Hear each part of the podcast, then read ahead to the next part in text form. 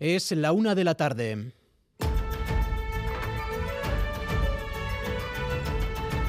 Crónica de Euskadi con Imanol Manterola. A Rachaldeón con dudas sobre el momento, pero los partidos de la oposición se muestran abiertos a un debate sobre fiscalidad, el debate sobre la reforma fiscal anunciada ayer por PNV y PSE. Es un debate inevitable. Se tendrá que dar. Urcullu últimamente, guiándole en cierto modo, Euskal Herria Bildu habla mucho de debates de país. Para nosotros este sí es un debate de país que debería de desembocar en un gran acuerdo de país. Beti esan digut ez dela garaia. Behintzat, albiste hona da onartzen dutela guk behin eta berriz salatu duguna. Ahora, sin embargo, en febrero, pues parece que ya sí es momento, cuando están las elecciones forales a la vuelta de la esquina. Unai Urruzuno de H. Bildu, Miren Echeveste el Carrequín Podemos, Luis Gordillo PP, después del anuncio de ayer de PNV y PSE. Precisamente hoy en EITB les ofrecemos una nueva entrega del estudio EITB Data, en este caso sobre fiscalidad.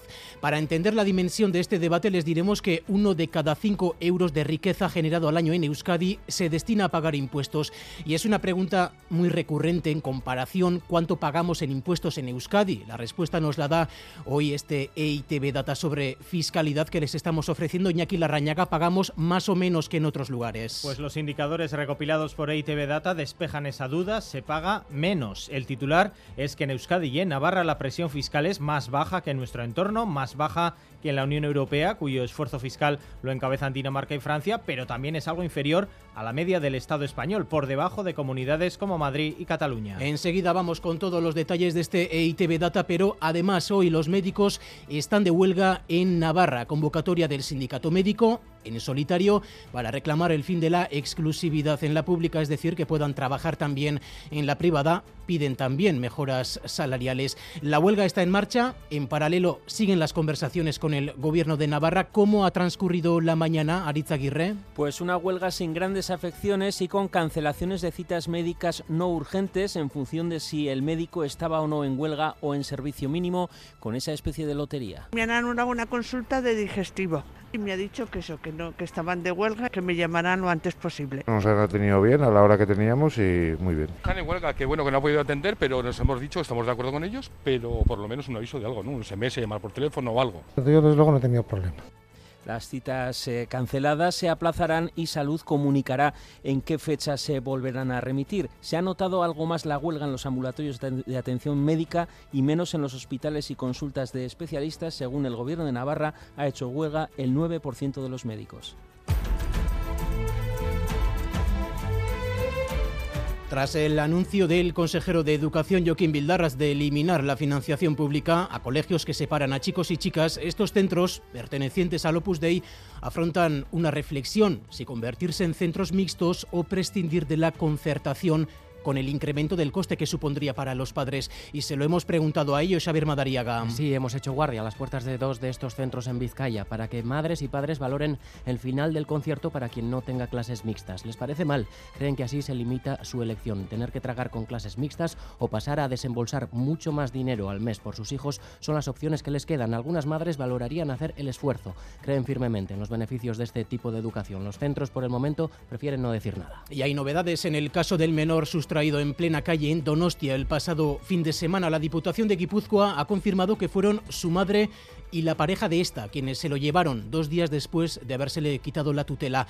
Siendo de origen magrebí, ante la posibilidad de que hayan huido por la cercanía con la frontera, se ha cursado orden de búsqueda internacional de los tres. La diputada de Asuntos Sociales se ha mostrado confiada en poder localizarlos pronto al ser una familia, eh, un núcleo familiar que no tiene arraigo en Guipúzcoa, la búsqueda, ¿no?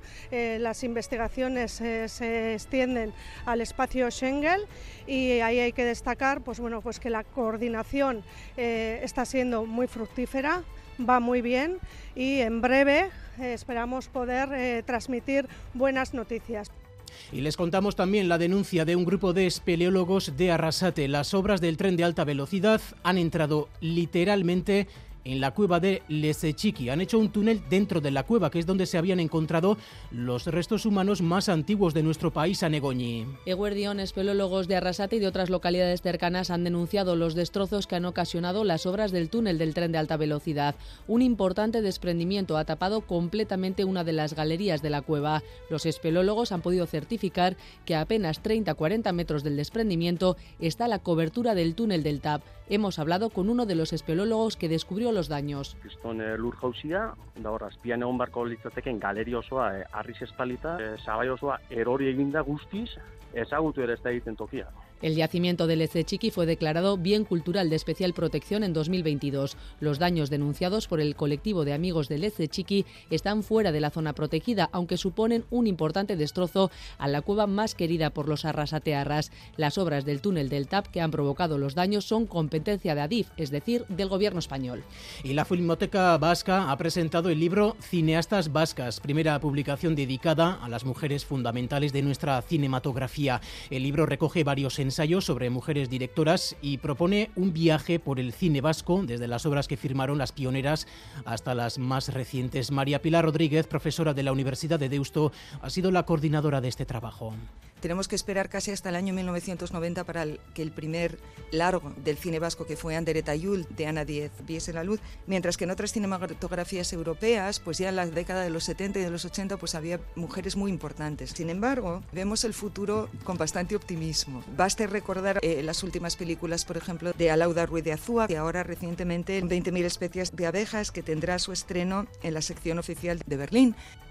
Vamos ahora con los titulares del deporte. Álvaro Fernández Cadierno, Arrachaldeón. Arrachaldeón, cerrado el mercado de invierno. Nuestros equipos están ya trabajando. A las dos y cuarto escucharemos, por ejemplo, a Ander Herrera en el Athletic. Por cierto, ya es jugador en propiedad del club rojiblanco. También a Braulio Vázquez en Osasuna y a Ramani en el Eibar. Tenemos partido femenino, Real Madrid, Real Sociedad, Liga a las 9 y en marcha la vuelta a la comunidad valenciana con el comienzo de la temporada para Mikel Landa. A esta hora cielos encapotados en la mitad norte y nubosidad algo más dispersa en la zona sur del territorio. De cara a la tarde se podrán abrir algunos claros, sobre todo en puntos cercanos a la costa. A esta hora las temperaturas muy similares a las de ayer. Tenemos 11 grados en Bilbao, 10 en Donostia y en Bayona, 8 en Iruña y 7 en Vitoria-Gasteiz. En carreteras sin incidencias destacables, pero les contamos que en Bilbao la calle Rodríguez Arias está ya abierta los técnicos han controlado ya una fuga de gas que había obligado a cortar la calle para los peatones. Según informa el Ayuntamiento de Bilbao,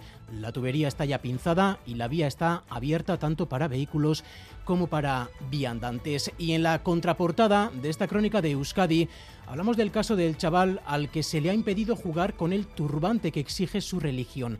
Nunca ha tenido problemas hasta que un árbitro, que se lo obligó a quitar el club, asume la sanción que les han impuesto por abandonar el partido en señal de protesta, pero piden sentido común y que se respete la legislación internacional. Natalia Díaz. Ocurrió el día 21 en Arrigorriaga, en el campo del Padura. El partido cadete empezó sin problemas hasta que en el segundo tiempo salió al campo uno de los chavales con un patka, un turbante blanco que nunca se quita y que identifica a los jóvenes que profesan el sijismo, una religión hinduista.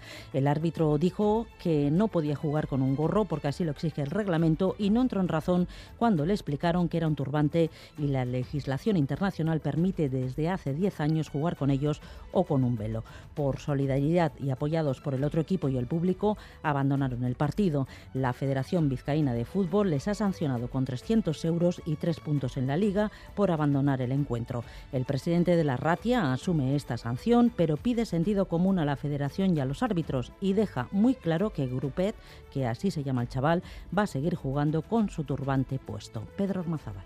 Si juega, va a jugar así. O sea, yo quiero que juegue así. Yo lo hablaremos con la federación o con quien tengamos que hablar antes, pero este chaval, sin lo que es en este turbante, no va a jugar. Entonces yo creo que es un tema de interpretación, pues que lo arreglan donde lo tengan que arreglar.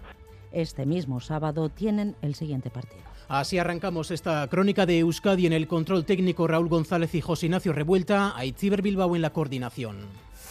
Crónica de Euskadi con Imanol Manterola.